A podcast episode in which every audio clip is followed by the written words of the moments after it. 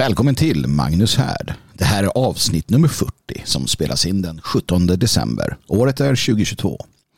Idag gör vi oss redo för vintersolståndet som infaller den 21 december. En mycket viktig, mytisk och mystisk dag. Jag tänkte också prata en del om hur viktigt det är att vi förmedlar en förståelse av arvet till våra barn och till varandra. För att kunskap, det är bättre än psykofarmaka. Det är bättre än alkohol och det är bättre än droger. Lyssnarfrågor svarar jag också på idag. På djupet går jag eh, i en som frågar sig varför man egentligen ska hålla på och flytta till detta land som jag bygger vid Tivedens rand. Raldas frid, nu kör vi.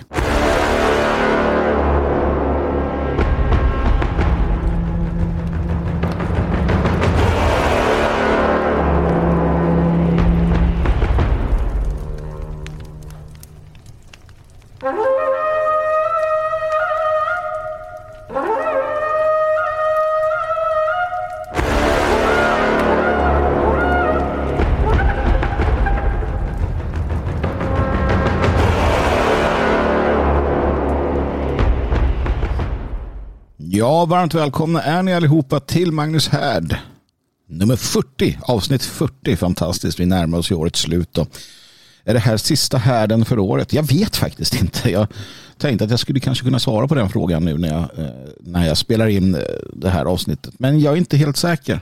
Det återstår att se vart, vart det bär hän. Någonting till kommer säkert här eh, innan, innan året är slut, tror jag. Men generellt sett så drar vi ner lite på tempot eh, både här på härden såklart men eh, Svegot och det fria Sverige och så vidare. Det har varit ett tufft år, långt år och eh, jag behöver få vila lite. Även om jag är särdeles dålig på att göra det. Jag vill börja med lite formalia. Magnushard.proton.me Det är där du skickar, det är dit du skickar mejl om det är så att du vill ha tag på mig eller vill nå fram till mig. Jag svarar oftast i programmet, eh, sällan på mejlen. Men eh, skriv för allt i världen. Och besök gärna magnushard.se. Ehm, det är ju då hemsidan för detta projekt som vi har tillsammans, vi i härdens folk. Ehm, det är långt många fler som lyssnar på podden än som läser det som skrivs. Och Det är ju fullt förståeligt, men det är också lite sorgligt. För att vi måste vårda förmågan att läsa text i block. Det är mycket lättare att bara ta del av det talade ordet, jag vet det. Men eh, varför ge upp det övertag man har mot alla de som inte kan läsa genom att strunta i att läsa? Det är ju inte bra. Eller hur? Det är ju ganska dumt.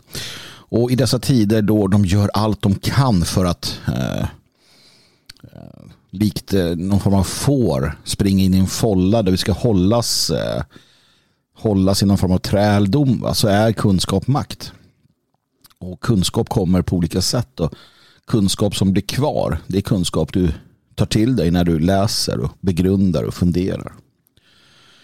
Så Eh, jag hoppas att du eh, tar tillfället i akt. Att du eh, går in på magnushard.se. och Att du läser och tar del av det som skrivs där. Sen kan du tycka att det är rent trams. Va? Och då behöver du inte göra det. Nej, det är inte så att du ska läsa för någon jävla snällhets skull. Utan tycker att det inte är något att ha. Nej, men läs något annat.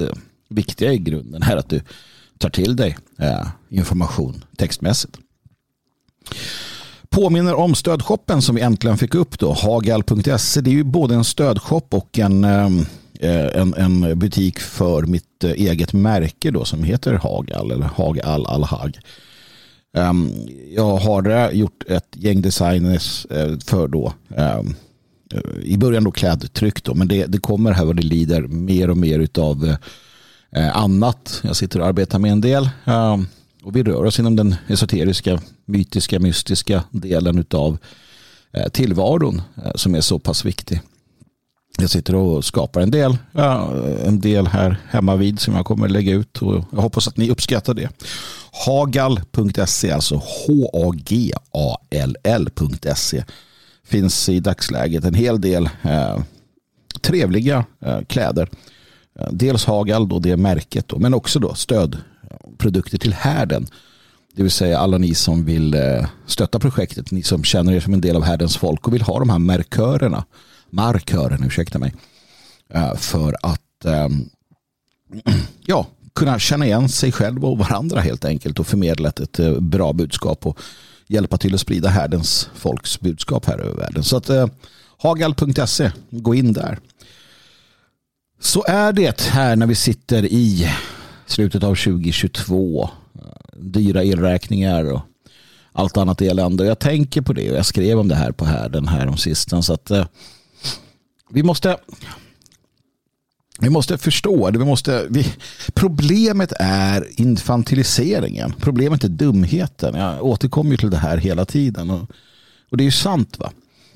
Det är problemet att, att vuxna människor tror på amsagor den här idén om att eh, allting bara blir bättre. Allting bara måste bli bättre. Att det är en naturlag att allting blir bättre. Eh, det är ju ändå 2022, det här vanliga eh, dumma kommentarerna. Och så blir man tagen på sängen varje gång. Man blir tagen på sängen och visst, jag, jag kan ju någonstans så kan man ju då känna så här att ja men det är ju 2022, hur 17 kan det vara så att vi står inför eventuella bortkopplingar från elnätet? Ja, det är ju 2022. Hur, hur, kan vi stå inför matkris med tanke på eh, kostnaderna? Alltså? Det är lätt att tänka så lite snabbt. va? Men det är ju inte som så att det har varit eh, det är inte som så att det som händer inte har föregåtts av varningar. Eh, snarare tvärtom. Det har varit ganska tydligt kan jag tycka att vi är på väg åt det här hållet. Och Det är det här som är problemet. Vi har en vuxenvärld som inte på något sätt är vuxna. Eh, vi har en vuxenvärld som är fullständigt infantiliserad. Som tror på omsagor, som, som litar på vallöften och som blir arga när de, när de inser att de återigen efter fyra år blev svikna. Det, det är ju fullständigt absurt. Det är ju barockt. Um, och det här är ju den, en, det, här är ju den liberala demokratins främsta främsta så att säga uh, livsbetingelse. Det är det, här de, det är det här de lever på. Det är det här hela systemet räknar med kortminne och, och, och dumhet. Liksom. Och så kan vi inte ha det. Så kan vi inte ha det. Men hur kommer vi åt det? Ja, vi fortsätter ju på det sättet vi gör. Och framförallt så handlar det om att samla människor kring sig som, som ger en någonting. Man ger varandra någonting. Man ger varandra intellektuell stimulans. Man är inte av, av samma eh, låga kvalitet som så många andra. Man, man, man, man, säger någonstans nej tack till dumheten Eh, och ja tack till en, eh, en djupare och rikare tillvaro. Och nej, det är ingenting som ett, ett parti kan göra. Det är ingenting som, som en bred folkrörelse gör. Absolut inte. Men jag pratar inte i detta nu i Magnus Härd till en bred folkrörelse. Jag pratar till härdens folk. Jag pratar till er. Eh, och jag betraktar er som, som någonting annat. Ehm, det är en sak när man eh, har att göra med människor och folk i gemen. Man får, man får resonera och fundera och, och, och, agera på ett visst sätt. Sen får man göra annorlunda när man är med sina egna. Och det är inte så. så det är inget konstigt med det. Och ni ska inte sätta er på några höga hästar och känna att ni är någon form av överlägsna typer som kan bete sig hur som helst. Absolut inte. Vi är tjänare. Vi är folkets tjänare. Vi är landets tjänare. Vi är nationens tjänare. Vi är den här metafysiska det här metafysiska folkets tjänare i en, en bredare bemärkelse. Vi har fått de möjligheter vi har, den förståelse vi har för att tjäna. Inte för att härska, inte för att eh, kapa åt oss bättre eh, fördelar i livet, utan för att tjäna. Plikt och tjänst, det är det det handlar om för härdens folk. Och, och svårare än så är det ju äh, faktiskt äh, inte. Det kan vara din granne det kan vara han som kör dig till jobbet i taxin. Vi finns överallt. Ja, det gör vi. Jag hade ett samtal häromdagen med en, en mycket, mycket kär och mycket klok vän. Och vi kommer att prata om det här med psykisk ohälsa, droger, alkohol, självskadebeteende och hur, eh, hur farligt det är för oss som folk. Ja. Eftersom att vi är eh, i princip var och en av oss eh, missbrukspersonligheter, alkoholister eller liknande.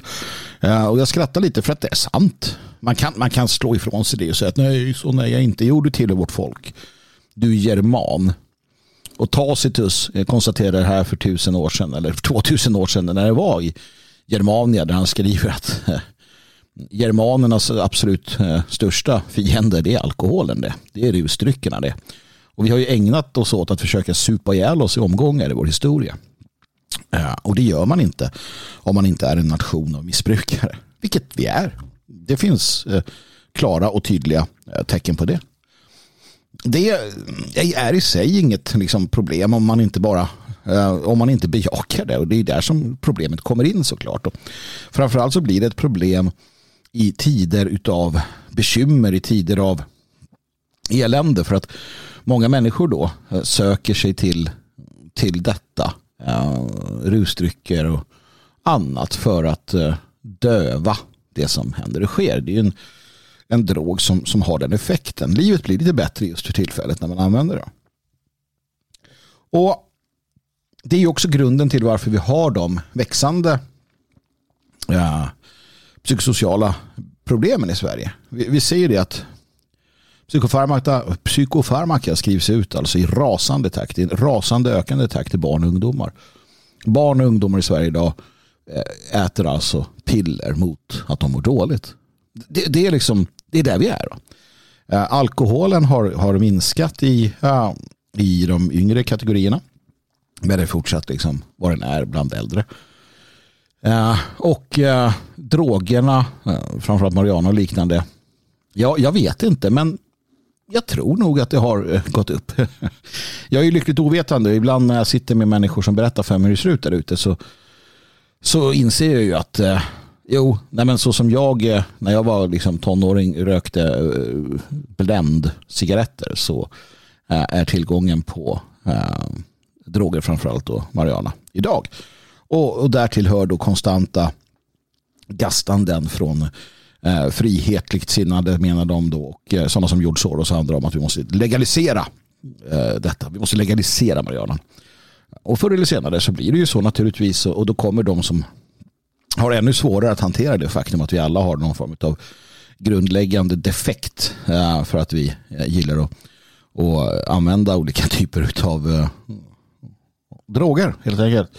Så kommer de falla dit ordentligt och så kommer du få en, en stor befolkning av utan ganska lealösa och, och ännu dummare människor. Det är ditåt vi är på väg ehm, och det har man spott om. Och om du tittar i en sån som Aldous Huxleys bok om uh, Nya sköna värld så, så är det ju en, en, en eh, en strategi från, uh, från makten uh, att ge dem soma.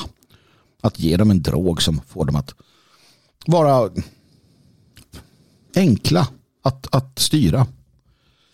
Jag menar, har du ditt porr, du har din marijuana du har liksom en medborgarlön, uh, ja, du har eh, Netflix och allting, ja men ja, då är det inte så svårt för, för eliterna uh, att uh, få som de vill. För de gör inte detta. Klaus Schwab ägnar inte sin tid åt att titta på Netflix och röka marijuana. George Soros ägnar inte sin tid åt att titta på Netflix och röka marijuana. Han, ökar sin, han använder sin tid till att hitta nya sätt att skapa förutsättningar för sin idé. Va? Och det är det man gör. Medan man allvar med det man, man säger sig vilja åstadkomma då ägnar man sitt liv åt att försöka åstadkomma det. Jag menar att jag menar allvar med um, det jag pratar om här i Magnus Härd och de uppdrag jag tagit på mig för det fria Sverige och så vidare. Och då ser jag till att anpassa mitt liv så att jag så gott som det går och så effektivt som möjligt kan uppfylla dem eh, eller sträva efter de målen såklart. Men återigen då tillbaka till detta problemet att så många människor mår så dåligt. För det är grunden problemet. Och, och sen kommer lösningar. Ja, och det är, så, det är så vi måste förstå det. Alltså, problemet är att människor mår dåligt. Problemet är att människor känner hopplöshet. Problemet är att människor känner en massa negativa känslor inför eh, samtiden och framtiden. Det, det, är grunden. Förstår vi inte att det är grunden, ja, då kommer vi inte göra någonting åt någonting. När du väl känner allt det här, då är frågan hur hanterar du det? Hur hanterar du alla de känslorna? Hur hanterar du eh, alla de utmaningarna? Och det, det, är den stora frågan för att det finns olika sätt att hantera det på. Eh, idag är det poppis med, med eh, samtalsterapier om du har klimatångest och eh, olika typer av självhjälp och, och sådär. Men, men allt som ofta så, så faller man igenom och då finns det ju Eh, medikamenter som sagt. Psykofarmaka skrivs ut i en, i en, i en rasande takt. Eh, men du har också droger och du har alkohol och du har andra typer av självskadebeteende. Inte bara att du gör illa dig själv på olika sätt och vis men att du lever destruktivt sexuellt eller eh, tar väldigt stora risker och så vidare eh, i livet. Och det är där vi ser då allt fler ungdomar hamna. Och det är de som då sedermera då eh, medicineras med psykofarmaka. Om vi tittar på USA så ser vi en enorm katastrof när det kommer till den här typen av droger som skrivs ut. Och, och ja, det här händer i Sverige i en ökande takt. Och då hade jag det här samtalet med min kloka vän och vi resonerade fram och tillbaka om det här. Uh, och vi landade liksom, som man så ofta gör, i att, uh, att det finns många olika orsaker till att det är som det är. Men, men eh, en som vi någonstans kan komma överens om och som vi kan se det är det faktum att människor är helt eh, historielösa, kulturlösa till stor del och, och lite som vindflöjlar. Lite som, eh, lite som ett, ett eh, fartyg utan rorsman. Utan, eh, utan någon karta, utan någon kompass. Som en virrig, eh, bortsprungen hund i skogen som inte vet var de ska ta vägen. Vad gör jag här? Varför är jag här? Va, va, vad är meningen? Hur ser morgondagen ut egentligen? Va, vad ska det bli av, av allting? Hur, hur, hur kommer det se ut? Är det någon mening med någonting? Eller är det bara meningslöst? Alla de här frågorna ställer man. Jag ställer dem. Du ställer dem. Det är klart vi ställer dem. Vi, vi är existentiella varelser. Vi ställer existentiella frågor. Varför i hela helskottas namn är jag här? Och varför är jag här och vad ska jag göra under den period jag är här? Och sen den där dagen, för den kommer. Fan ta mig, den kommer. Där jag ligger där och så dör jag. Va, vad hände sen då? Va, va, vad var meningen med allt detta? Existentiella frågor, skrämmer livet ur folk. Det, det har skrämt livet ur folk i alla tider. Va? Eh, och vi har på olika sätt och vis hanterat det genom religioner och genom idéer och filosof, filosofier och så vidare. Vi har, vi har eh, försökt förstå de här sakerna. Vi har kommit fram till vissa saker. Traditionen och mystiken som svarar på mycket av det här. Som berättar för oss varför det är på ett visst sätt och så vidare. Vilket har hjälpt människor och eh, skapat den civilisation som vi fortfarande då gnager på. Men gemene man har tappat detta. Gemene man har tappat detta. Framförallt för sekulariseringen. Vi har ingen tro, vi har ingenting längre. Vi har ingen förståelse. Vi är kulturlösa, rotlösa, snart raslösa. Och vad är vägen ur detta? Vad är vägen ur detta? Jo, vägen ur detta, kära du, det är det som eh, som jag alltid har, alltid är väl ta i, men det som jag ofta pratar om och som jag tycker det eh, är värt att komma tillbaka till idag. Framförallt nu när det är jul och så. Och det är påminnelsen om vilka vi är. Alltså du och jag, härdens folk, vi har en stor uppgift. En stor uppgift och det är att predika de goda nyheterna. Att predika evangelium. Att predika för våra fränder. De fantastiska nyheterna om vilka de är. Vi ska hjälpa dem att minnas. Vi ska hjälpa dem att förstå. Vi ska hjälpa dem att, att, att, att verkligen återknyta till det faktum att de är en länk i en kedja som sträcker sig tillbaka i årtusenden. Och att de är här tack vare medvetna val gjorda av förfäderna. Generation efter generation efter generation. Som valde livet, som valde att försöka göra någonting bättre. Som valde att försöka skapa en, en bättre tillvaro, en bättre framtid. Och vilka var de här människorna? Ja, på individnivå så, så kan det vara svårt ibland, speciellt när vi går tillbaka i tiden, men på kollektivnivå så är de så är vi människor av ras. Vi är människor av den vitariska rasen. Med allt vad det innebär. Med alla de upptäckter. All den civilisationsskapande. All den kultur. All den myt och mystik. Allt detta fantastiska. Vi är söner av bärsärkar. Söner av karoliner. Söner av skytiska, skytiska krigare som reser över slätten. Vi är söner av sjöfarare. Vi är döttrar till sköldmöer. Vi är döttrar till eh, starka kvinnor som, som stod upp för och fanns där, som tog hand om hemmet och härden. Det är vad vi är. Vi är inga veka, trötta, meningslösa typer. I oss finns allt det de hade.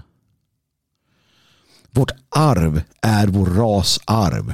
Från Taklamakanöknen i Kina över hela eh, Asien, Mellanöstern, Europa, Nordafrika, Sydamerika, Sydafrika, eh, Nordamerika, Skandinavien, Ultima Thule, Atlantis, Hyperborea. Det är vårt arv.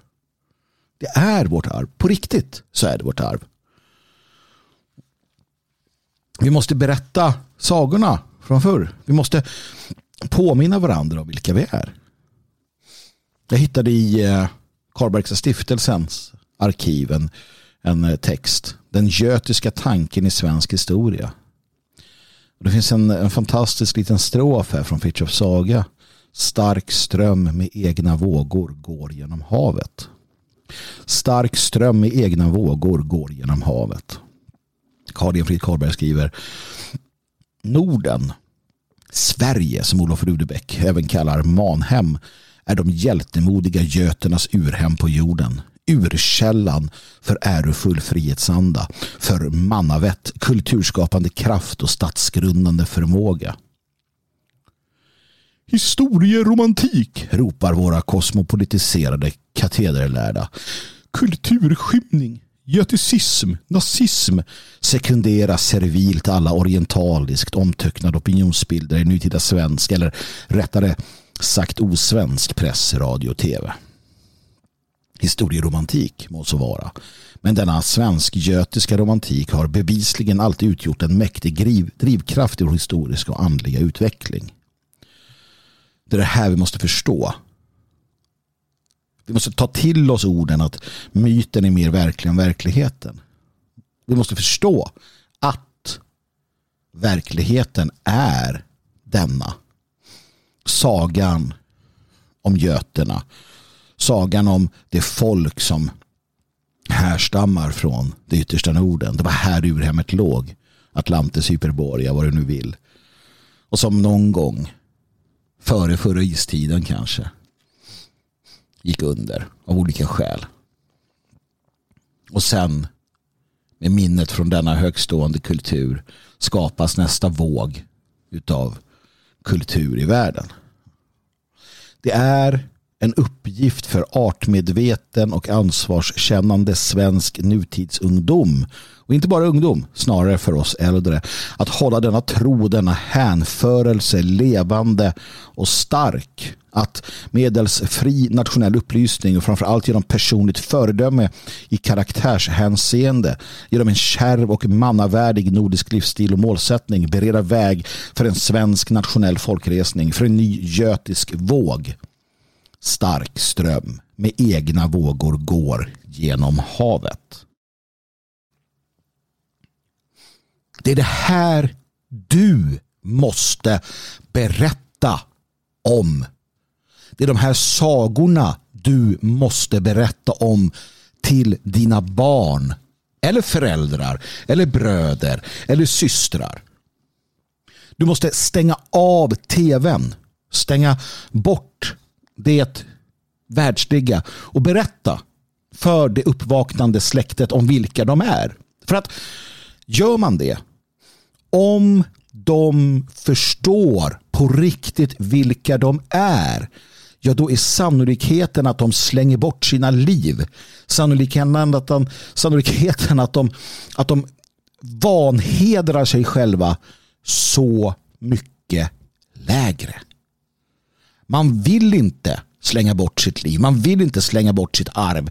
Man vill inte slänga bort sin biologi. Om man vet vilka man härstammar från. Man vet vilka vi är. Man kommer inte ägna sig åt skörlevnad i lika hög utsträckning. Och med större sannolikhet så kommer du avstå från allt sånt här dåligt. Och du kommer vara säker på vem du är. Du kommer vakna på morgonen den 12-13-åriga killen och tjejen vaknar på morgonen och vet. De vet det arv de är sprungna ur. De förstår den storhet de bär inom sig. De förstår att de är allfaden Guds folk och barn. Och de vet att de har en speciell plats här i universum. De är inte bara mekaniska köttklumpar i en, i en värld som bara rusar mot någon form av gud vet vad. Nej, de vet vilka de är och att de har en orsak till att de finns här. Och när det är svårt och jobbigt så vet de att det är svårt och jobbigt för att det blir så ibland. För att man har ett uppdrag, man har ett syfte med sitt liv och då vill man inte supa ner sig. Då vill man inte droga sitt sinne. Då vill man inte kasta bort sin oskuld hur som helst. Man vill inte fördärva sig själv. Man vill inte vara någon lägre eh, liksom någon lägre livsform i denna skapelse. Man vill vara det skinande ljus som man förstår att man är.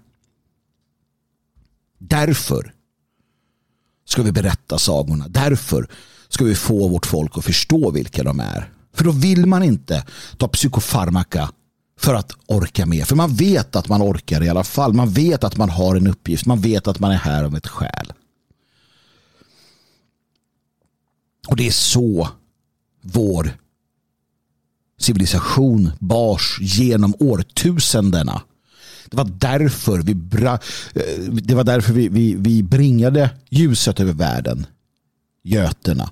Det var därför vi skapade civilisation. Vi gav inte upp. Vi gav inte ens upp när Atlantis föll. Vi kämpade vidare för vi visste att vi hade en, en roll att spela. Det är därför vi kämpar vidare. Vi backar inte för det jobbiga. Vi söker inte det enkla. Vi söker det rätta. Och det är det som skiljer oss.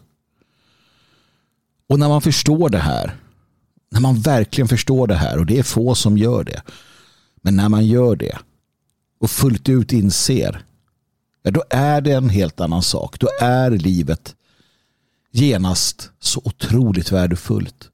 Och allting annat, alla alla de här sakerna vi ser, alla de här äh, vardagligheterna, de, de hamnar i lite periferi. För man förstår att det inte är det centrala. Vi lever då, när vi inser det här, i världen. Men vi blir inte en del av världen.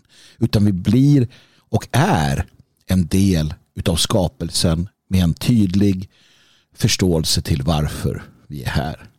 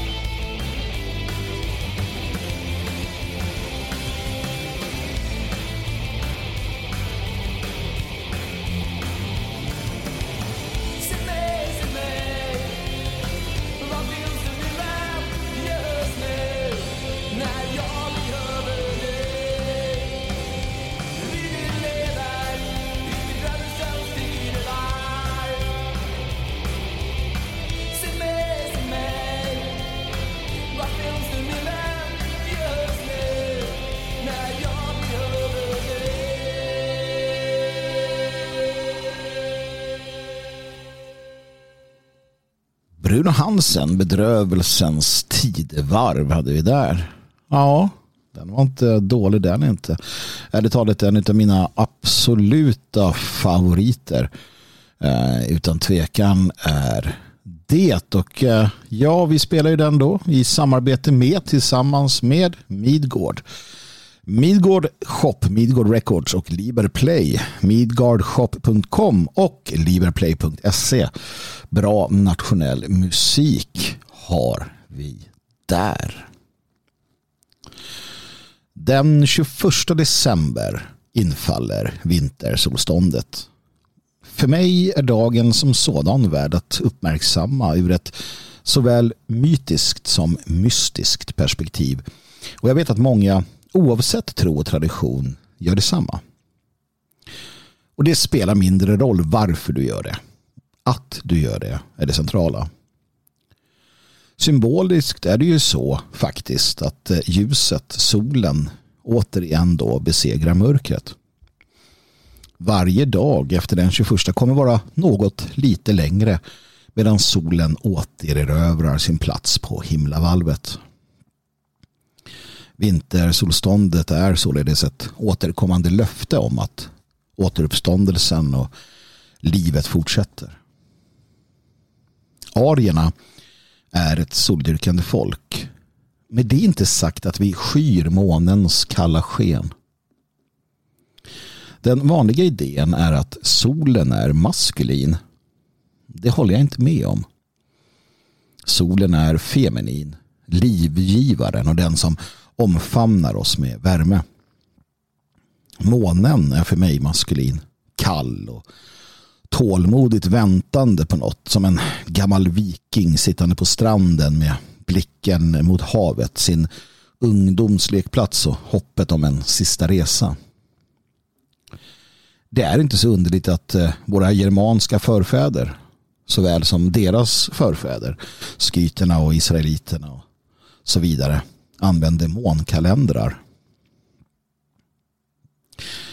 När jag var yngre så var det månen, mörkret och natten som drog mig till sig. Jag skulle bli man, leva farligt en stund och mejslas ut. Men eh, ju äldre jag blir, desto mer är det solen som drar i mig.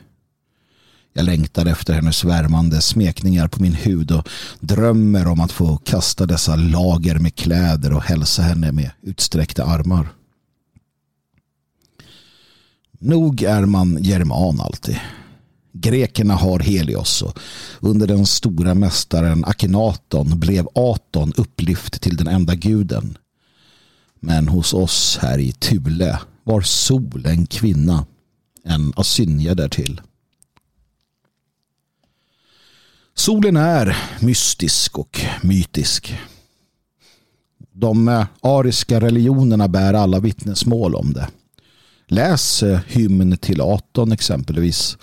Något eh, uppenbarligen psalmisten gjorde. Om du jämför med psalm 104 där allfader Gud beskrivs som insvept i ljus som i en mantel. Orden, tankarna, känslorna, de går igen helt enkelt. Man kan fördjupa sig i solmyterna och symboliken som de bär. Man kan fundera över solens mystiska betydelse för vår ras och för människorna. Man kan fördjupa sig i idén om den svarta solen som ska finnas dold bakom vår sol på det metafysiska planet.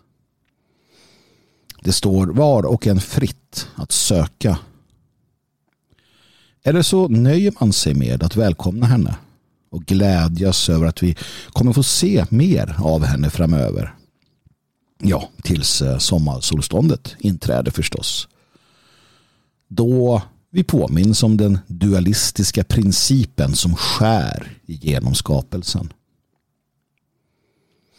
Man kan eh, fira, högtidlighålla och lyfta vintersolståndet på olika sätt. För min del verkar det som att det blir en privat ceremoni det här året. Men gör det gärna tillsammans med vänner, nära och kära, med ditt mannaförbund, med din familj, med dina barn. Låt hela dagen från tidig morgon vara en dag då du öppnar ögonen och tackar Vralda för möjligheten att ännu en dag få göra hans vilja. Ännu en dag få göra din plikt. Ännu en dag att tjäna hans folk. Tills det är dags att du tänker igenom dag dina sovdags. Låt myten och mystiken kring vintersolståndet vara i dina tankar. Att eh, ljuset kommer åter. Det är värt att fira. Så är det.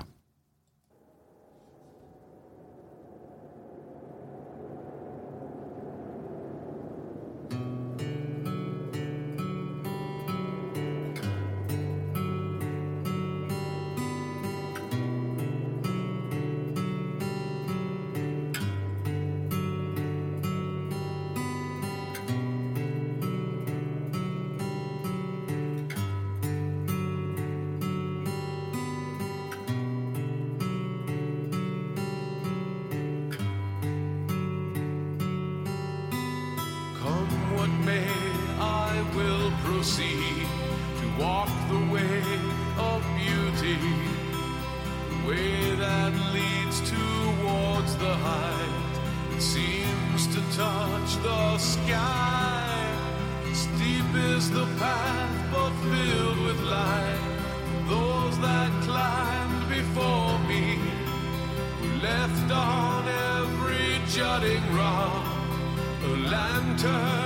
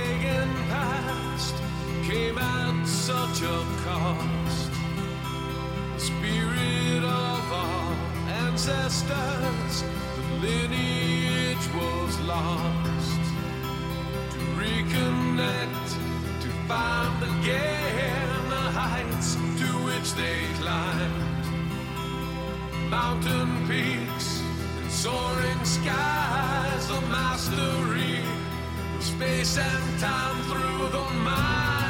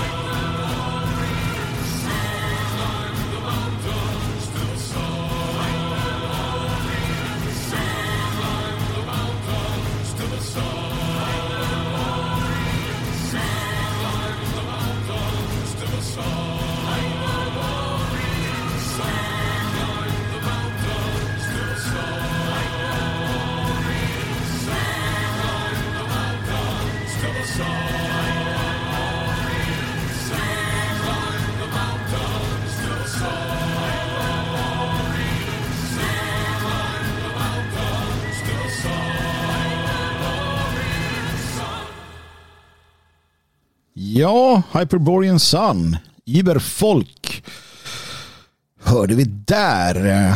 Återigen i samarbete med Midgård Records, midgårdshop.com och Liberplay, liberplay.se. Fantastisk eh, låt det där, en av mina favoriter. Eh, alltså Iberfolk. Nu mina vänner är det dags för lyssnarbrev. Dum, dum, dum, dum. Ja, ni är några stycken som har skickat in till eh, magnushard.proton.me alltså magnushard proton.me och vem skickar in dit? Eller varför? Eller vad skickar man in dit? Jo, man skickar in frågor. Till exempel om man tycker att jag kanske skulle kunna, om man tror att ja, nej, men Magnus kan nog ge ett bra svar på den här frågan. Eller jag vill höra vad Söderman tycker om det här. Så, så skickar man in en, eh, en fråga, en fundering.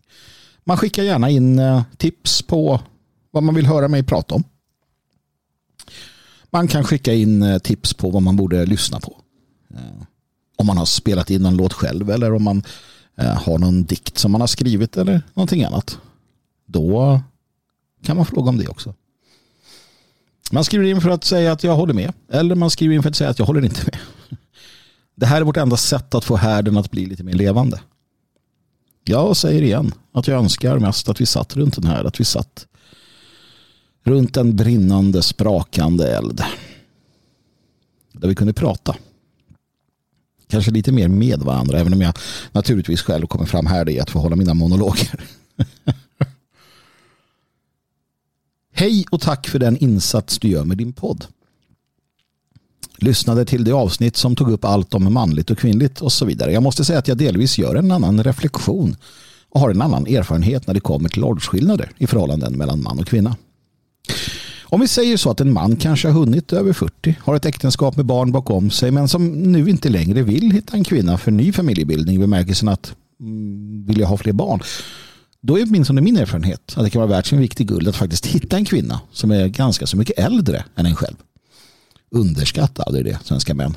Har du hunnit bli en bit i livet, om ni redan har familjebildning bakom er men ändå vill kunna hitta en kvinna att få och ge tröst till, känna frid hos, en kvinna som du kan värna om och som värnar om dig.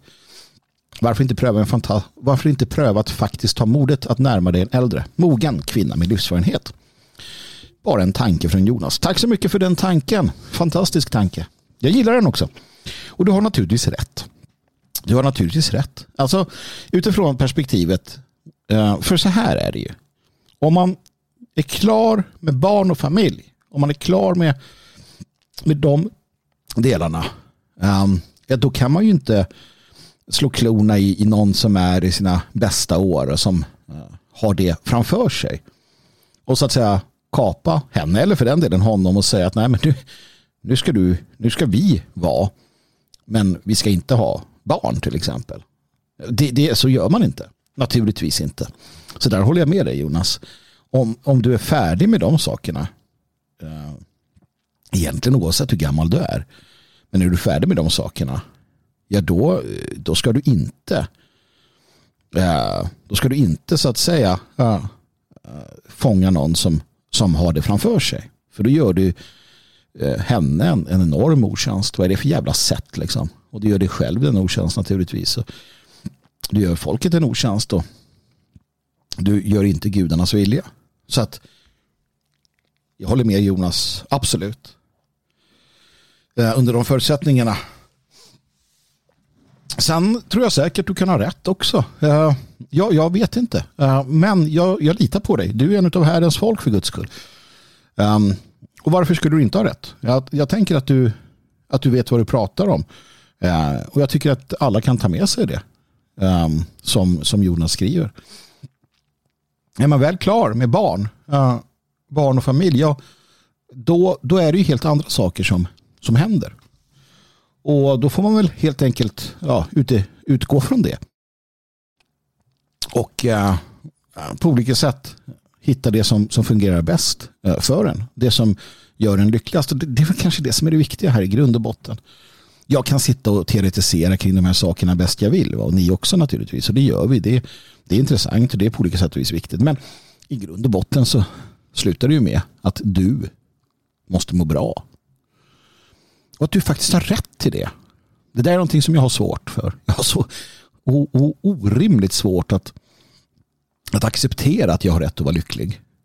Men det har jag. Och det har du också. Du har rätt att vara nöjd. Du har rätt att vara lycklig. Du har rätt att ha det bra. Du har rätt att ha det bra med en annan människa. Vad, vad än det innebär, när ni är två vuxna, vad det än innebär att ni har det bra så, så har ni rätt till det.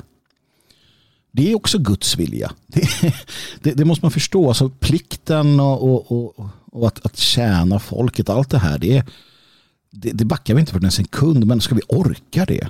Ska vi orka göra det med ett leende på läpparna, då krävs det också att vi har källor till glädje i livet. Källor till njutning, källor till, till allt detta. Och då, då ska man inte, som Jonas säger, förkasta en idé, förkasta en, en tanke bara för att. Det kan man inte göra. Så Jonas, jättebra att du skriver in eh, och berättar. Jättebra att du eh, tycker till. Jättebra att du delar med dig av eh, åsikter och tankar och idéer.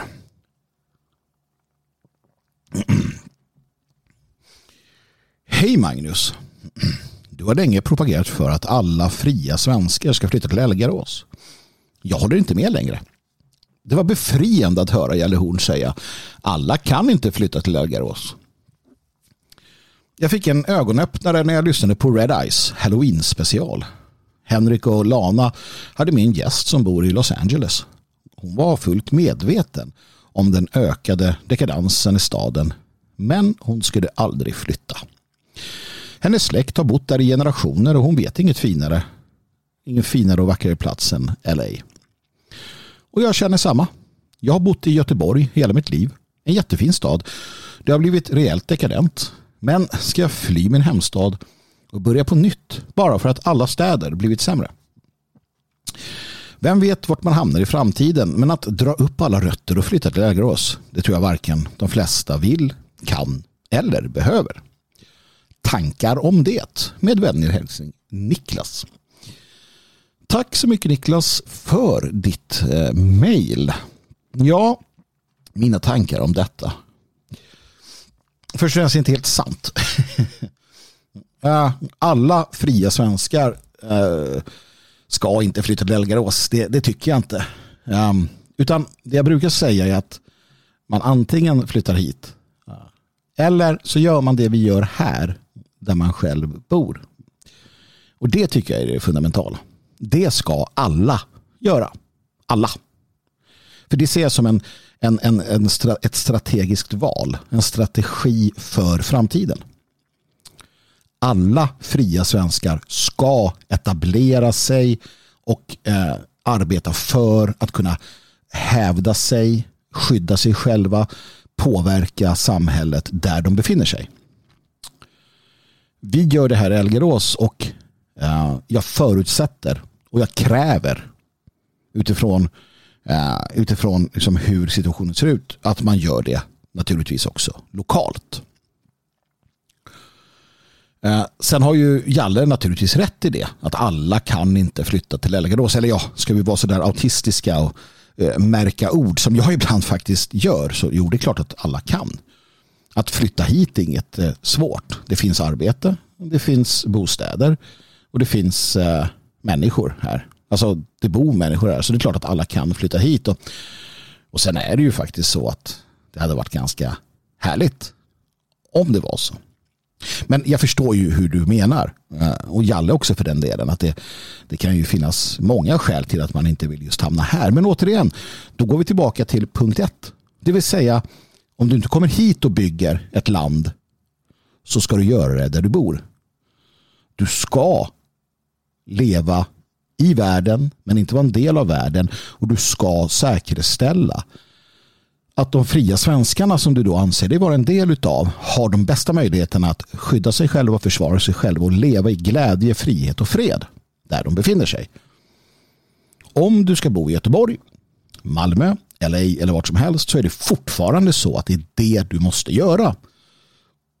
Du måste skapa de sociala sammanhangen precis som utlänningarna har gjort. De har sina områden i staden. Det måste vi också ha. Vi, nationalister, måste ha det. Innan jag fortsätter så låt mig utgå från eller låt mig konstatera att jag inte utgår från känslor när jag, när jag säger att vi måste bygga ett land här vid Tivedens strand. Eller när vi för den delen eh, måste bygga våra sociala och andra sammanslutningar där vi bor. Vad man själv känner i sammanhanget är inte något jag lägger någon vikt vid jag tycker att vi vuxna män och kvinnor kan stå över våra känslor om det, säger, om det, om det visar sig att, att de hämmar oss. Om de är i vägen för det vi måste göra. Återigen, plikten är det som är grundläggande. Plikten och tjänsten. Men att bryta upp och bygga upp är inte för alla. Det, det, det, det är så enkelt. Eh, och det är därför jag säger det att man är välkommen hit och göra det om man är av den kvaliteten. Men om man inte har det i sig så måste man göra detsamma där man bor. Du, Niklas, måste göra det där du bor. Om du inte avser att komma hit och göra det med oss, ja, men då måste du ta det ansvaret där du bor. Och, och det är ju bara självklart utifrån ett strategiskt perspektiv. För att ensam är inte stark. Och jag förutsätter att du då har eller håller på att skaffa den typen av gemenskap, trygghet, redundans och robusta möjligheter till överlevnad som vi har här där du bor. Och det är inget fel med det. Eh, så att så är det ju. Och vill man bo i eh, Los Angeles, New York, Stockholm eller Göteborg och, och var, då, då, då, då gör man ju det. Eh, men du måste också vara medveten om konsekvenserna. Och inte så mycket för dig själv kanske, men dina barn. Och din kvinna. Och dina föräldrar eller andra som, som så att säga du har ansvar för. Du måste förstå uh, vad du gör. Det måste vara ett medvetet val som är genomtänkt. Precis som att saker och ting som våra förfäder gjorde var genomtänkta. De rusade inte bara åstad styrd av att de kände ditten eller ville datten. Utan de såg ju på sin eh, omvärld och sin samtid och sina förutsättningar. Och så skapade de och arbetade för det bästa de kunde. Och som sagt, eh, vill man bo kvar eller vill man vara där, där man så att säga har sina rötter, i det här fallet och Göteborg, ja men var det. Eh, men återigen, du måste göra allt annat som krävs för att skapa de bästa förutsättningarna. Och till exempel se där Odalfolket och Mannaförbunden, min bok om detta. Då förutsätter jag att du har eller arbetar för att få ett mannaförbund där du bor, i det området där du befinner dig. Så att du inte är ensam eller själv. Du, du, du måste ha dina sociala nätverk och allting. Sen blir det rent taktiskt mycket, mycket svårare i en storstad. Jag har befunnit mig mitt upp i kravaller när stadsdelar brinner.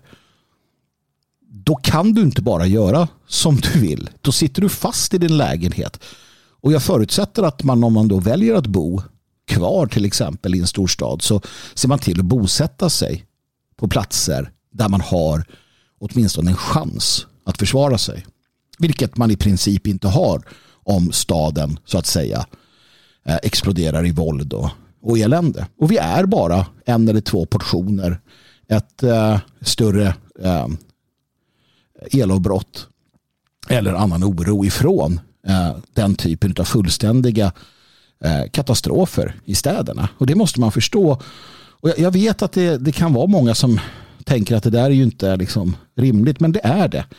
Eh, titta på hur våra städer ser ut, titta på den demografiska situationen ehm, och se hur det har sett ut i andra länder så inser man ganska snart vartåt det barkar hän väldigt snabbt. Ehm, läs historierna från eh, New Orleans eh, efter eh, orkanen Katrinas framfart och tänk efter huruvida det var en bra idé eller inte att befinna sig i den typen av urbana miljöer. Men återigen, det är upp till var och en. Jag förutsätter återigen att då gör man det man kan för att kunna ha den typen av trygghet och säkerhet som, som eh, ens barn och ens hustru eller make förtjänar. Men på frågan här. Eh, jag har bott i Göteborg hela mitt liv. Jättefin stad. Det har blivit dekadent. Eh, men ska jag fly min hemstad och börja på nytt bara för att alla städer blir sämre? Ja, rent taktiskt, ja. alltså för mig är inte det en, en stor fråga. Ja, rent taktiskt, ja. Och kan man inte hålla ett område, kan man inte, kan man inte skapa den tryggheten, framtidskänsla, eh, kan man inte låta barnen vara ute sent på kvällarna, kan man inte lämna bilen olåst eller kan man inte känna en enorm trygghet när ens eh, hustru är ute och går, ja då är man ju på fel plats. Det menar jag. Alltså jag vill inte leva så. Men naturligtvis, jag är inte du va. Och då tycker jag att det är självklart att man antingen då ser till så att frugan kan vara ute och gå när hon vill. Eller att den här problematiken inte finns ja, där man befinner sig. Ja, och att man inte känner att man blir hämmad där man är. Utan att man då skapar de förutsättningarna. Och gör man det, ja, då kan man ju göra det i en stad såklart. Men du har ju fortfarande problematiken med vad som finns runt omkring dig. Runt omkring mig här så finns det urskogar, det finns eh, sjöar, det finns enskilda byar. runt dig och det område i staden som du har då markerat som ditt revir, den villagatan eller vad det kan vara, så finns det mer stad. Det finns utsatta så kallade områden. Det finns eh, hundratusentals främlingar varav många uppenbarligen inte tycker så värst väl om oss. Och det är ditt val. Och, och du får göra som du vill. Uh, men ja, alltså rent taktiskt så, så, ser jag inga problem med det. Och sen tänker jag också på att uh, det, det, alltså, hon, hon är LA där. Hon har bott där i generationer. Och kan inte tänka sig något annat. Alltså de generationerna som bodde där hamnade ju där för att de sökte sig en bättre tillvaro. Alltså, det var ju därför de flyttade dit. För att ja, de, de såg att här i LA så kan vi få det bättre än vad vi hade det vart vi nu var. Jag hade en, en farmor som flyttade från Blekinge till eh, Rådmansö utanför Norrtälje för att få det bättre. På något sätt så var det bättre för henne där än där hon kom ifrån. Och människorna då som flyttade från, stor, från, från till exempel från Stockholms innerstad till de nybyggda köpcentrumsförorterna som Vällingby liknande i, i Stockholm på, på 60-70-talet. De flyttade ut för att det blev bättre. Alltså man flyttar för att få det bättre. Man stannar inte kvar för att få det sämre. Av någon form av nitisk sådär att jag ska minsann vara kvar här vad som än händer. När du pratar med vita i Sydafrika som befinner sig på platser som är uppenbart livsfarliga så vill ju många av dem så att säga inte vara just där de är. Men i många fall har de inga alternativ. Så det, det innebär inte att fly landet eller det innebär inte att du, att du måste nej men som sagt flytta till Elkarås. Absolut inte. Men, men däremot så, mm, så säger sig självt att du, att du gör det som blir bättre för framförallt dina barn. Om du bor, och jag ser ofta det, människor på sociala medier som, som klagar. De är arga över att i min dotters klass, ja hon är ensam svensk.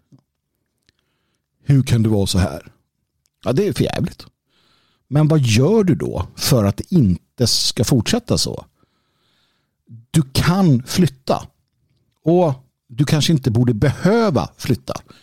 Om du frågar de eh, spanska, alltså spanjorerna som såg sitt land falla i muslimsk ägo och de som då valde att dra sig undan från kalifatet och sen föra krig mot kalifatet i 800 år.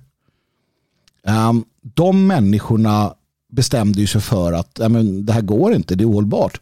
Hade de stannat kvar och sagt att nej, Sevilla är, det är här vi är födda i generationer, här tänker vi inte flytta, då hade de blivit tvångskonverterade. De hade blivit eh, utsatta för grymheter utan dess like. Nu valde de att dra sig tillbaka därifrån och sen ägna sig åt en rekonkista. Det tog 800 år. Sen var det deras igen. Och det är så jag tänker mig det här. Jag tänker mig att vi, uh, att vi samlas, återsamlas i våra enklaver runt om i Sverige. Våra fria svenska zoner. Där vi är flest. Där vi har makten. Där vi kontrollerar omgivningen. Där vi är trygga. Där vi är säkra. Och sen sakta men säkert över de århundraden som väntar så återtar vi vårt land. Och ja, jag tänker århundraden framöver. Det jag gör nu har jag inte någon som helst tanke på att jag ska tjäna på. Utan det ska mina barnbarns barnbarns barn tjäna på. Jag vill att de ska se tillbaka på oss och säga tänk de fria svenskarna för 800 år sedan. De gjorde vår rekonkista, vårt återtagande av vårt gudagivna land möjligt tack vare att de gjorde det de gjorde. Jag tänker inte eh, och, och, och, jag tänker då göra det på det bästa och enklaste och, och smidigaste sätt som jag kan tänka mig. Jag tänker inte utsätta mina barn för den typen av eh, den typen av liksom, eh, samhälle jag ser. Och jag är storstadsgrabb från början. Jag vet hur det är. Jag har bott i storstäder ganska nyligen. Senast bodde jag i Berlin. Och förvisso kunde jag liksom ha mitt, mitt svenska getto där någonstans. Men, men eh, ja, jag såg ju hur det såg ut och vad man då möts av och, och vad man konfronterades med och hela samhällsandan där. Och jag vill inte det. Jag, jag tror att, att jag kommer ge mina barn en bättre möj, ge mina barn bättre möjligheter eh, här där jag befinner mig. Och därför väljer jag det. Men återigen, det är upp till var och en. Och jag förutsätter ju att, eh, att de som då väljer annorlunda gör det. Ja. Och jag har ingen anledning att tro annat än att man gör det av de skäl eh, som man har att de är i, i alltigenom goda. Så att inga, in, ingen skugga faller över de som väljer annorlunda. Uh, jag förstår det kanske inte och jag kommer fortsätta naturligtvis att, att uh, propagera för och, och uh, säga vad jag tycker i frågan. Men jag menar återigen då att man bara för att generationer av min släkt har bosatt sig någonstans så betyder inte det att jag tänker bo kvar där bara för att. Um, utan, utan jag ser det ganska osentimentalt. Um, och eh, utifrån en annan princip. Va? Ja. Uh, Jag tycker också att man ska se vad, vad, vad man kan åstadkomma. Alltså, hur lätt, återigen, det är osentimentalt. Hur lätt eller svårt är det för mig att åstadkomma det jag vill där jag befinner mig? Och om du tittar på Plymouthbröderna i Sverige, eller Lestadianerna, så inser du att om du koncentrerar ditt antal till en mindre ort så kommer du få stor möjlighet att påverka. Och det är ganska enkelt. Alltså, om man befinner sig många av samma anda på en liten plats så får du mycket att säga till om på den platsen. Om du befinner dig på en plats där de flesta, den överväldigande majoriteten inte håller med dig och därtill är utlänningar, ja då har du ingen makt. Så då har du välja mellan ingen makt, ingen möjlighet att påverka och mycket möjlighet att påverka i samhällslivet. Och det är ditt val.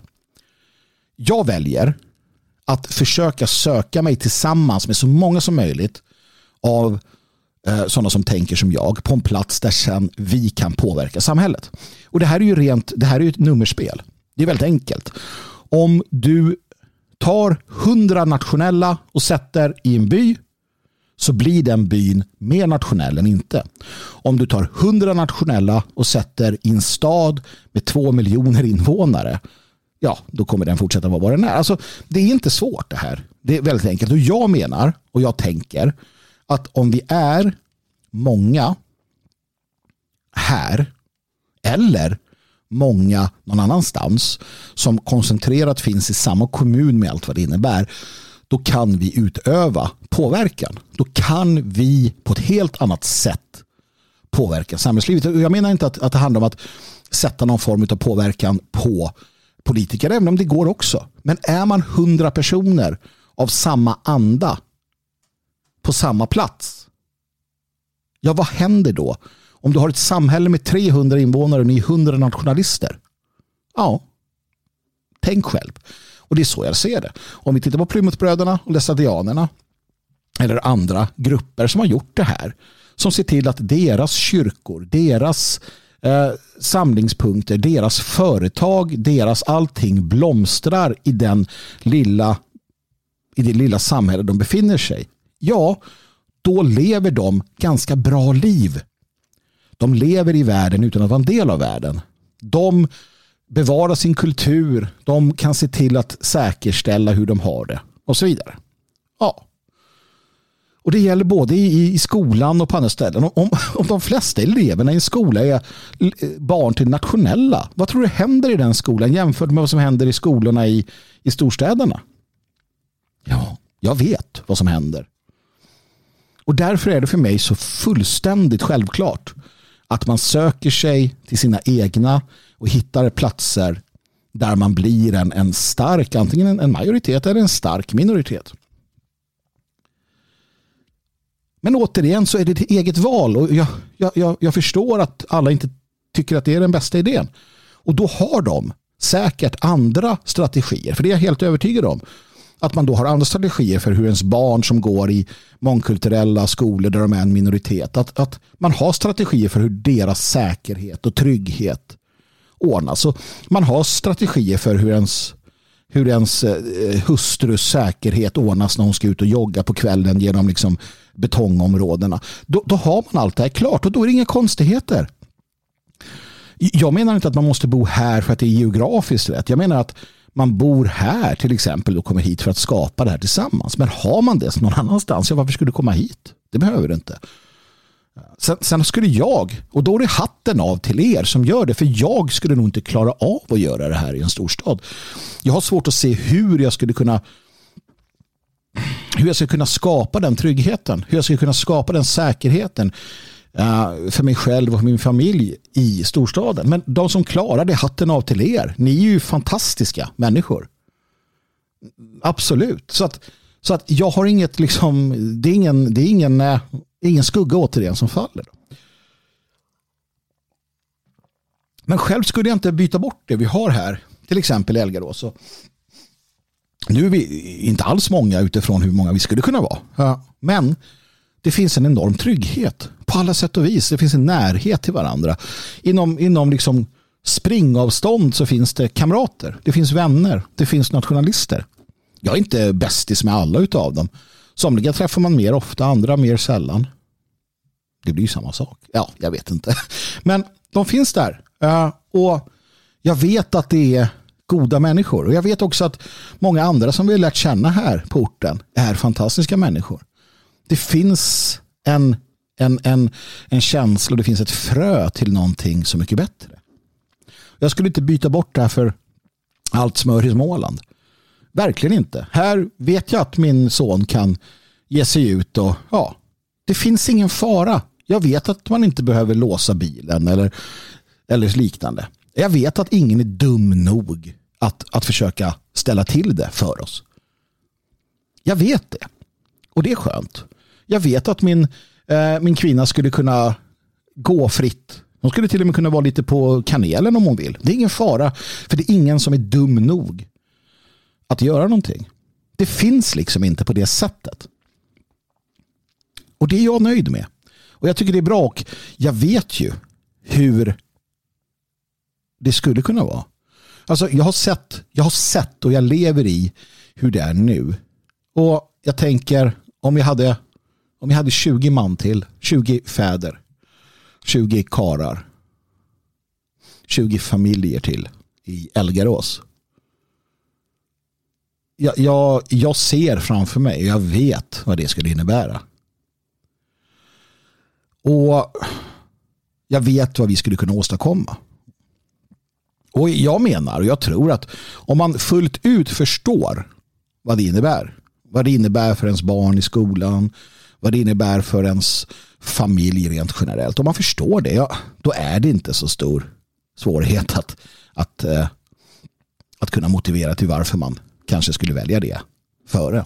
För tänk barnomsorgen, tänk samhällslivet, tänk barnens uppväxt. Tänk att slippa den här begränsningen. Jag, jag, jag, eh, pratade med en, en, fick här samma kloka person som jag pratade om tidigare. Hon berättade då hur, hur begränsad hon själv har känt sig hela sitt liv.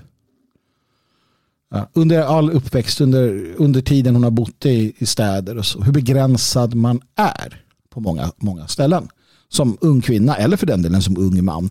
Jag till exempel råder ju alla unga män i storstäder att gå inte ut om ni inte är i gäng. Jag har för många gånger sett och varit med om hur människor råkar illa ut efter mörkrets inbrott för att de är ensamma. Och det gäller ju småstäder också. Gå inte ut om du inte går i ett gäng. För du är ett lätt villebråd. Alltså det är det samhälle vi lever i. Ja, eller bo här. Bo i Elgarås. För här kan du gå ut själv. Är du en del av det fria Sverige? Ja, det är inga problem. Du kan gå ut och gå själv här. Ja, för att det här är en, en annan del av, av Sverige. Det här är det fria Sverige man behöver inte begränsa sig här på det sättet. Vi behöver inte fundera och det gäller ju inte bara eh, just precis exakt här utan det gäller ju lite större område också. Hade vi varit 50-100 man ja, 200 det är det jag menar va? Eh, och det är ren matematik. Um, och det finns jobb. Det finns, uh, det finns liksom alla möjligheter att skapa sig en, en bra tillvaro här. Men som sagt, det är inte för alla. Det är inte för alla såklart. Det finns en massa skäl till att det, det, det liksom inte blir så. Utan att man väljer annat. Men återigen så cirklar vi tillbaka till det väldigt, väldigt simpla. Även om du stannar där du är så har du samma krav och samma plikt att uppfylla. Jag menar bara att det blir svårare. Det blir svårare att etablera dominans om du bor i en storstad. Det blir svårare att skapa de, eh, de relationerna. Det blir svårare att skapa eftersom du inte har den närheten. Men kan du hitta det allt i en stad? Absolut. Jag menar, många av mina bästa vänner bor ju kvar i städerna. Eh, och, och, och de eh, har sina skäl till det. Och de gör vad de kan utifrån det. Och jag tycker det är eh, hedervärt av dem. Men de gör ju också detta. Så att nej, jag tycker att man ska komma hit. Om man är av rätt anda. Om man har det i sig. Om man ser det här som jag ser det här. Då ska man komma hit och bygga tillsammans med oss. Men gör man inte det, nej men då ska man vara där man är och bygga där. Och det är viktigt för att du kommer hit för att arbeta. Du kommer hit för att vara en del av någonting eh, nytt, någonting i min värld speciellt. Och var och en väljer sin väg. I Magnus härd så uppmuntrar jag eller säger åt härdens folk att de ska göra så här. Antingen kommer ni hit och gör det tillsammans med mig här eller så gör ni detta där ni bor. Men ni ska skapa egna länder. Ni ska skapa egna stammar. Ni ska skapa egna sociala sammanhang där ni är någonting helt annat. En ny stam. En ny stam på gammal rot. Det är generalorden alltid. Och vill man inte det, då slipper man det också naturligtvis. Men då tillhör man ju inte Herrens folk. det är inte svårare än så. Och jag berättar om det här. Jag propagand, propagand, propag, propagerar för detta. Och jag bjuder in till det. Och vill man inte så slipper man. Men återigen, du slipper inte att göra det där du bor. Utan då, det, är, det är bara en fråga om lokalisation. Alltså vart man är någonstans. Men det viktiga i det här, kära lyssnare. Det viktiga i det här. Det är att komma ihåg att när du väljer så väljer du inte bara för dig själv. Ja, det beror lite grann på naturligtvis. Jag har en del lyssnare som är äldre och de säger till mig att men vad fan, jag är liksom eh, eh, jag är gammal, jag, jag vill inte flytta, jag bor bra där jag bor och jag tänker liksom fortsätta med det. Och det är inget konstigt. De, de har gjort, alltså de har sina, eh, de har liksom det bakom sig. Uh, andra äldre som jag pratar med de flyttar hit för att de vill ha det. De tycker att det verkar schysst. Uh, så det är inte det, men det jag menar är att du som är lite yngre, du som har så att säga familj och liv framför dig, när du väljer, då väljer du inte bara för dig själv, utan väljer också för dina barn och för din hustru då, eller din make, lite beroende på. Det är för dem du väljer. Och när du ser på framtiden, när du ser framtiden an, när du förstår, när du, när du ser demografi, när du tittar på skolan i ditt område, när du tittar på brottsstatistiken, när du tittar på kriminaliteten, när du tittar på alla de sakerna. Ja, du kan ju naturligtvis välja och se så här att ja, men här där jag bor så är det um, det är lugnt liksom. Och, och, jag tittar på demografin och ser att det är så pass stark svensk närvaro och så vidare att det här är inga problem. Mina barn kommer kunna växa upp tryggt och kunna vara ute och cykla själva och de kommer inte känna att de blir rånade och så. Perfekt. Eller så tittar du och säger att nej men vänta så här kan vi inte ha det. Jag som vuxen som åker till jobbet, kommer hem, har eh, liksom pengar på, på, på, i plånboken och ja, lever ganska, för det gör vi vuxna, vi lever väldigt, väldigt eh, stängda liv. Vi har våra favoritrestauranger och allt det här. Men det kan du inte applicera på dina barn. De lever helt andra liv. Och det är det jag menar, du väljer ju inte framförallt för dig själv. Du väljer för dina barn. Det är därför våra förfäder valde att vandra bort från vissa platser och sätta eh, och bygga nytt på nya platser där det var bättre. De stannade inte kvar för att de kände för det utan de flyttade på sig för att ge sina barn en bättre framtid. Och det är det jag åsyftar och det är det jag tänker på. Det är det som är det viktiga här. Och återigen, om du gör alla de analyserna och kommer fram till att nej, men vad fasiken här? Just här där jag befinner mig så har jag allt det här som Magnus håller på att prata om. Vi, vi har hela den här biten och vi kan försvara och vi har allt detta. Fine, jättebra. Det är fantastiskt. För då tillhör ni då, då, då, skapar ni en, fri svensk enklav där ni är. Då finns ju den redan på plats. Och då behöver ni inte komma hit och skapa en. Det är ju bara dumt. Utan jag är för att vi gör det här på flera platser. Sen kan jag tycka att det här området är, är bra utifrån eh, många orsaker. Hur det ligger geografiskt mellan städerna, hur det ligger mellan sjöarna, eh, vad det gäller jordmånen och eh, vad det gäller eh, kynnet hos befolkningen, vad det gäller Eh, andra delar av liksom geografin och geologin och, och så liknande. Då. Så att jag, jag, tycker att det här är alldeles utomordentligt bra. Och det är därför jag är här. Och det tänker jag fortsätta berätta. Men vill man inte så ska man inte komma hit. Eh, och vill man inte så, så vill jag inte ha er här heller. För att man måste vilja, annars blir det inget bra alls. Så att jag är ju för att man, att man skapar på lång sikt en, en till exempel är du en ung man som är singel, ja, då är inte det här den bästa platsen för dig. Av det enkla skälet att det finns i princip inga fruntimmer här. De flyttar härifrån. Så att där handlar det också om att titta sig omkring och se, okej, okay, uh, jag lever mitt liv, jag bygger upp en verksamhet, jag kanske gör det och det och det och sen så, så får jag, skaffar jag mig en bra kvinna och sen så när det är dags för familj, då flyttar vi för att vara en del av det här. Jag kanske köper ett sommarhus för att med och bygga upp den här verksamheten för att sen kunna flytta dit när jag har min familj eller när första barnet är på väg. Och då kan de växa upp i den här härliga gemenskapen. Det, det har jag full förståelse för. Va? Jag har full förståelse för att man inte som singel flyttar hit och sätter sig och glor. Va? Det, eller, eller du ska inte, man ska inte tro att man kan komma hit och så, så liksom blir det serverat. Faktum är att vi serverar ingenting för de som kommer hit. Det finns inget som serveras. Det är hårt arbete och, och jag vet Dan var inne på att jag någon gång försökte, det lät som att jag försökte skrämma bort folk och det är nästan så att jag vill det.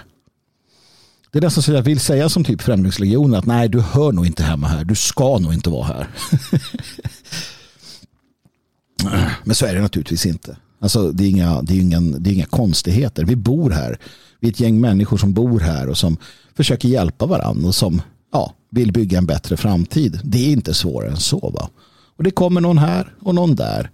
Eh, man har olika förutsättningar, olika idéer, olika tankar. Eh, har man... Eh, ja, nej men så att, så att så är det ju. Och nej, du ska inte heller naturligtvis om du är singel, du ska inte, du ska inte liksom i denna tid med, med alla Eh, datingsajter och appar och skit så, så kommer det nog gå alldeles utmärkt också. Det handlar ju mer om vem du är som människa än någonting annat. Men, men absolut, ehm, kommer du hit så är du varmt välkommen. Men eh, eh, kom av rätt premisser. Vill du inte vara här, var inte det.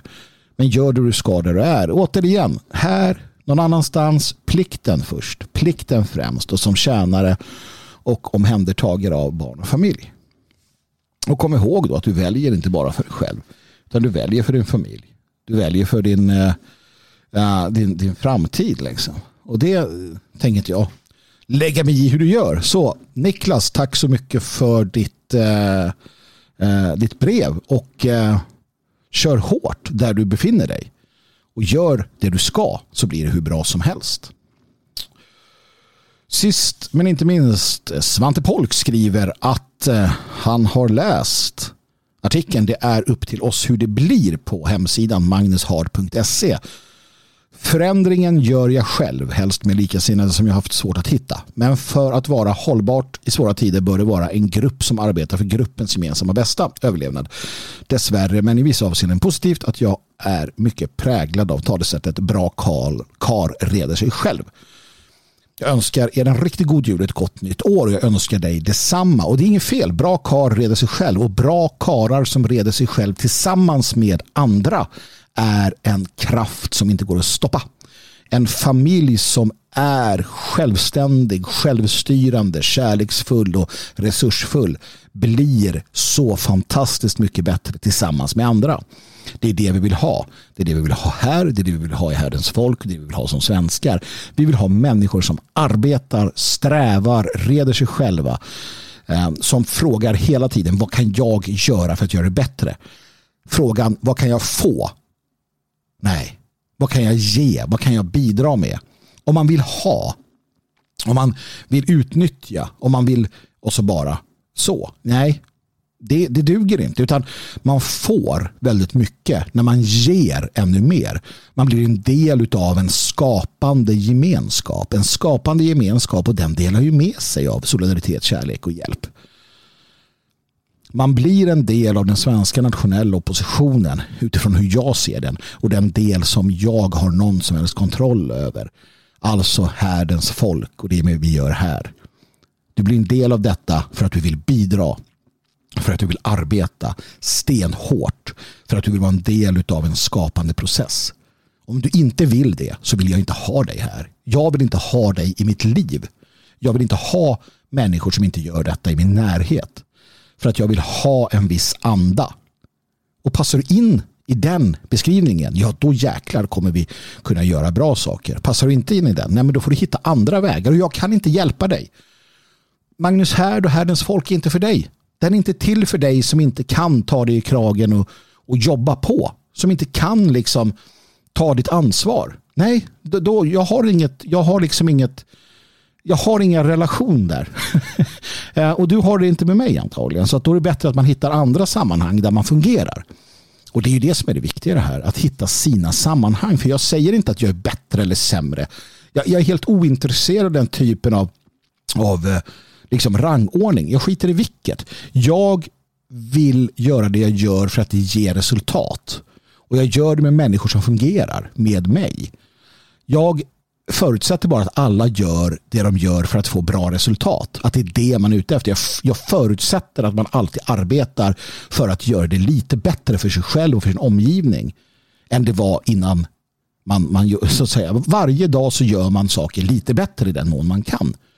Allt annat för mig är helt oförståeligt. Så att det är min liksom utgångspunkt här. Och, och Svante Polk har helt rätt. Bra karl sig själv, men en grupp som gemensamt arbetar på det sättet. Som ser till att hålla sig eh, på det sättet. Det är en grupp som kommer klara av allt. Så med det sagt mina vänner så är det dags att avsluta. Eh, jag tackar Roger och Niklas som har donerat eh, generöst till Magnus Härd och tack till er alla som har blivit eh, prenumeranter på magnushard.se. Ni får ju i princip ingenting för det. det, det, är det fina med äh, min, äh, mitt, äh, mitt så här premiumsystem. Att du får inget för det. Du kan prenumerera gratis ähm, och få tillgång till alla låsta artiklar. Men du kan också dela med dig i den mån du har möjlighet för att hjälpa till att lätta den ekonomiska bördan för mig. Och, och då kan du prenumerera. Du får, du får faktiskt någonting. Du får ett jävla bra samvete. Men du får också möjlighet att kommentera på artiklarna. Och det händer att jag också kommenterar då, om du gör det. Eller så gör jag det inte. Och det är inte särskilt mycket. Jag kan säga att, att, att kommentera, det är inte värt pengarna. Så att bli, bli medlem om du vill stötta Magnus här.